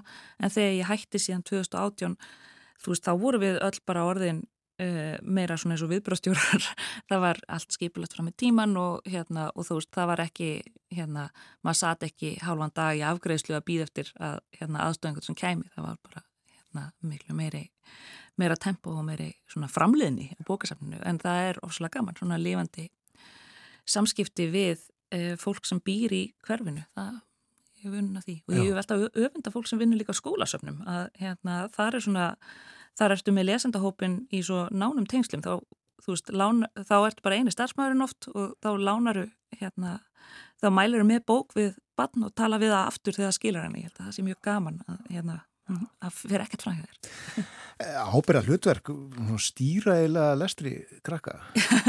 Já, en Eða getur beint þeim allavega að einhverju tilteknu. Já, einmitt og, og náttúrulega alltaf stúrslýs í uppsiklingu að láta badd fá vittlisa bók að láta badd fá bók sem að hérna, hittir ekki marg sko, það getur verið erfitt að vinda á hann á því Já, kannski lesi ekki meira. Sko. Já. Já, já. En þú hefur aðlega að skrifa fyrir börn og ungmenni. Eh, Kom ekki fyrsta bókin 2011, Játningar mjölkurferðu stráks? Mjölkuverðinu skálds Skáld segir. þetta, var nefnilega Já, já, já. þetta var, mér, mér fannst það mjög sniðu titill á sínum tíma, þannig að 2011 þetta átti að vera, þá var maður búin að lesa árum saman ljóð eftir grunnskólabötn á mjölkuverðinum og ég hugsaði, ok, kannski ef maður ætti bann og það skrifaði ljóð sem væri sem byrta mjölkuverðinu, þá myndi maður hugsa allt í lagi þetta, þetta er komið, þetta bann fer ekki hundan úr þessu, þetta bara nú er þetta í lagi, bannið átti ljóð á mjölkuverðinu, þú veist hú, hjúk uh, svo ég hugsaði alltaf, hvað við erum með þannig fyrir með þetta bann sem síðan gerir eitthvað, lendir í einhverju hrikalegu klandri og hérna gerir eitthvað af sér er það ekki einhver, eitthvað spennandi en síðan, þarna um haustið 2011 hætti mjölkusamsalan að byrta ljóð á mjölkuferðnum og titillin varð einmitt gjörsamlega óskiljanlegur upp frá því ég sem var svo ána með hann á sínum tíma en, Akkúrat. En svo skrifaður líka uh, bók fyrir fullorna má segja, er það ekki ljóðabókin? Jú, Innræti. innræti, já, Þú varst tilnæmdur hana til íslensku bókmyndaféluna? það var gaman uh, og ég hef við þetta eitthvað svona alltaf verið að skrifa fyrir fullorna líka einhverja smásögur og ljóð og greinar og svo leis Já. Og svo eru þýtt líka, sá ég, aðeins, tolkien meðal annars. já hljóma nú vel að vera þýðandi tólkinn svo lítur það ekki? mjög vel út. Mjög vel út. Það er alveg rétt. En lestu mikið, svona þér til indis Já, mjög mikið. Ég, hérna, og þú tíma til þess með, með skrifunum. það í, maður bara gefur sér tíma og hérna bara eins og, eins og annað fólk, uh, að, fólk sem vinnur ekki við að skrifa, það, það gefur sér líka tíma í að lesa bækur. Það, þetta er bara áhuga mál og hérna leið til að uh, slappa af. En síðan á einhverju leiti er þetta líka bara fyrst mér þetta að vera hluti af starfinu, það að stíga inn í orðaforða einhverja annara að hérna að stækka minn eigin og að sjá hvað annað fólk er að gera því að mér finnst að bókmyndir er á svo miklu leiti samtal að hérna maður er að stíga inn í einhverja umræðu sem að innan hérna literatúrsins í hvað skipti sem að gefur út bók og þá finnst mér að maður þurfi svona aðeins að hafa hlustað á annaða samtalenu en, en ég ætla ekki að láta þetta hljóma eins og það að ég lesi sem heimavinnu, það er ekki þannig. Bara að lesa því að í skálskapnum með lífið. Já. Uh, Manstu hvað þú last þegar þú varst 12 ára um það bil sem að, sem að er það ekki aldurinn sem að sem álfur er á í, í kollnís Já, ég náttúrulega eins og mörganu 12 ára börn var ég farin að lesa úlingabækur þá en ég las líka ég náttúrulega las uh, eiginlega allt þannig að hérna, og ég fattaði mitt um daginn að eitt sem að maður er hættur að gera og ég held að krakka gera miklu minna núna heldur en þegar við vorum börn er að lesa sömu bækunar aftur og aftur. Af því það var svo mikið léttir og það var svo mikið kvíld að bara taka hérna uh, fimm á fagurei og hérna það var bara eins og setja spólu í tækið og hérna slökkva alveg á og rífast með. Og ég held að uh, einmitt myndböndin séu kannski komin í það hlutverk núna þetta hérna uh, þessa algjörlega hérna afþreyingu án þess á, áreinslulegs afþreyingu sem að við notum bækur í. Um, hann er jú ég las uh, úlingabækur ég las uh, ég var einmitt að taka fram daginn aftur narníubækurnar e, þegar að við maðurum minn kynntumst þegar að ég var að verða 16 og hann var 18 það var í fyrsta samtalin okkur þá töluðum við um ástokkur á narníubókunum sem að var kannski ekki alveg dæmigert að finna 18 ára gaur sem að hérna, var ross spenntu fyrir narníubókunum allan að tala um það að, og það hefur haldið síðan topp maður sem hafði áhuga á narníubókunum þannig að e, og jújú, jú, þá var maður kannski líka fara nefnitt að lesa fullanarsbækur, fara að lesa jáfnvel æfisugur, það var aukvitað það á þessum tíma. Og bara, þú veist, hérna gamla gömlu rauðu ástasögurnar hérna, þú veist, Sigge Stark og hérna uh, hvað er hétt allar, hérna svona stórar örlagasögur, þú veist, það þegar maður er 12 ára nefnilega, emma er svolítið að aukvita einhvern veginn heiminn og hvaða getur þýtt að vera fullorinn og allt sem, sem fullorinn fólk getur lend í. Og það er svo mikið ævintýri þú veist að hérna, sumir, ég var ekki held ég mikið að lesa glæpasögur þá en þú veist sumir krakkar fara þangað að en, það opnar á alls konar sögurþræði sem voru ekki í badnabókunum og eins og bara einmitt æfisögurnar og maður getur lesið og maður fær söguna alla bara þákalla viðkomandi var dáin og þetta er bara allt sem gerðist. Maður þarf ekki að velta fyrir sig hvað gerðist svo. Þetta er bara, þetta er Mikið rétt Viltu segja okkur frá einhverju sem þú ert að lesa núna eða, eða hefur lesið nýlega? Ég er náttúrulega búin að vera að lesa, ég las mjög skipulega hérna, tilnefningarnar til e, bókmyndafölununa. Ég náði ekki alveg öllum sko, ekki, ég náði hérna batnabókafloknum og skaldrítafloknum og hérna úr fræðurítunum er ég bara búin með farsótt sem er stórkostleg, rosalega skemmtileg og ég er til dæmis mjög bundin söguþræði hérna og personum þannig ég hefði áhugjur þegar ég lesa bókum hús en, en ég hef ekki þurft að hafa neinar áhugjur Kristín Svafa Tómasdóttir er mjög reyndur höfundur sem að hérna eh, mataði mig á öllu sem ég þurfti af svona karakterdrama. Eh, og síðan voru þessi tveir flokkar hérna af ská, hérna eh, skáltsugum og og barnabókum þeir voru rosalega sterkir báðir. Þannig að ég, eh, lungu sem að náttúrulega vann, hún er algjört ævintýri, það er bara stórkoslegt að lesa hana. Eh, síðast síðan var ég að klára eh, hafmyggja þessi heimsætti sérið Hagalín sem að glatti mig svo ofbóstlega, það var bara svo gaman og hérna hún er svo fær höfundur, hún sigriður og maður var svo örugur, þetta var svo margir ólíkir karakterar og tungutaki og ég bara, þú veist, reyfst algjörlega með. Tól eftir Kristínu Eiríks, það, hérna Frankensleikir eftir Eirík Örn og Elias Rúna, ég las hana með krökkunum mínum, það var bara dásamlegt, hérna nú er ég búin að nefna svo margar ég, hérna að það eru vandræðilegt að það er eins og að sé orðið gildislega ef ég næ ekki að tellja þær allar upp en það voru allar svo skemmtilegar. Og hérna Sigrun Eldjarn og Elisabeth Thorutsen og hérna uh, og hún Lóa Hlín, Lóa Hlín allt sem Lóa Hlín gerir fallegt og dásamlegt og fyndið og innlegt og personlegt hérna hér að gerði og mamma Kaka báðar frábærar. Um, og sama svo sem það var bara auður afa með etin í fullanarsfloknum og er svo einhvern veginn allt uh, hún er svo mikil auður afa en það er einhvern veginn svo mikið undir í svo stiltum texta. Þú veist þetta er allt saman svo mikil nöytt að lesa þetta.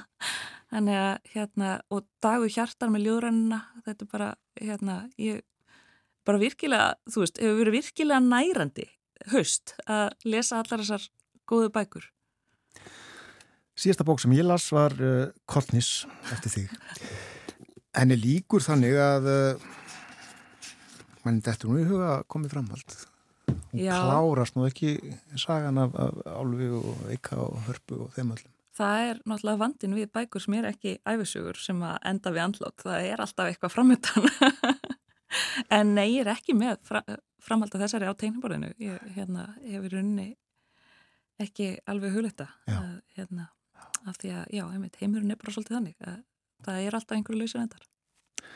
Við sjáum hvað setur þakkaði kellega fyrir að koma til okkur á morgunvaktina ánægilegt að hitta þig og spjalla við þig um kollnís og bækur og bókmyndir og skrif og lífið og tilvöruna Sumulegis, takk. njóttu dagsins. Ardís Þórensdóttir Rittuhundur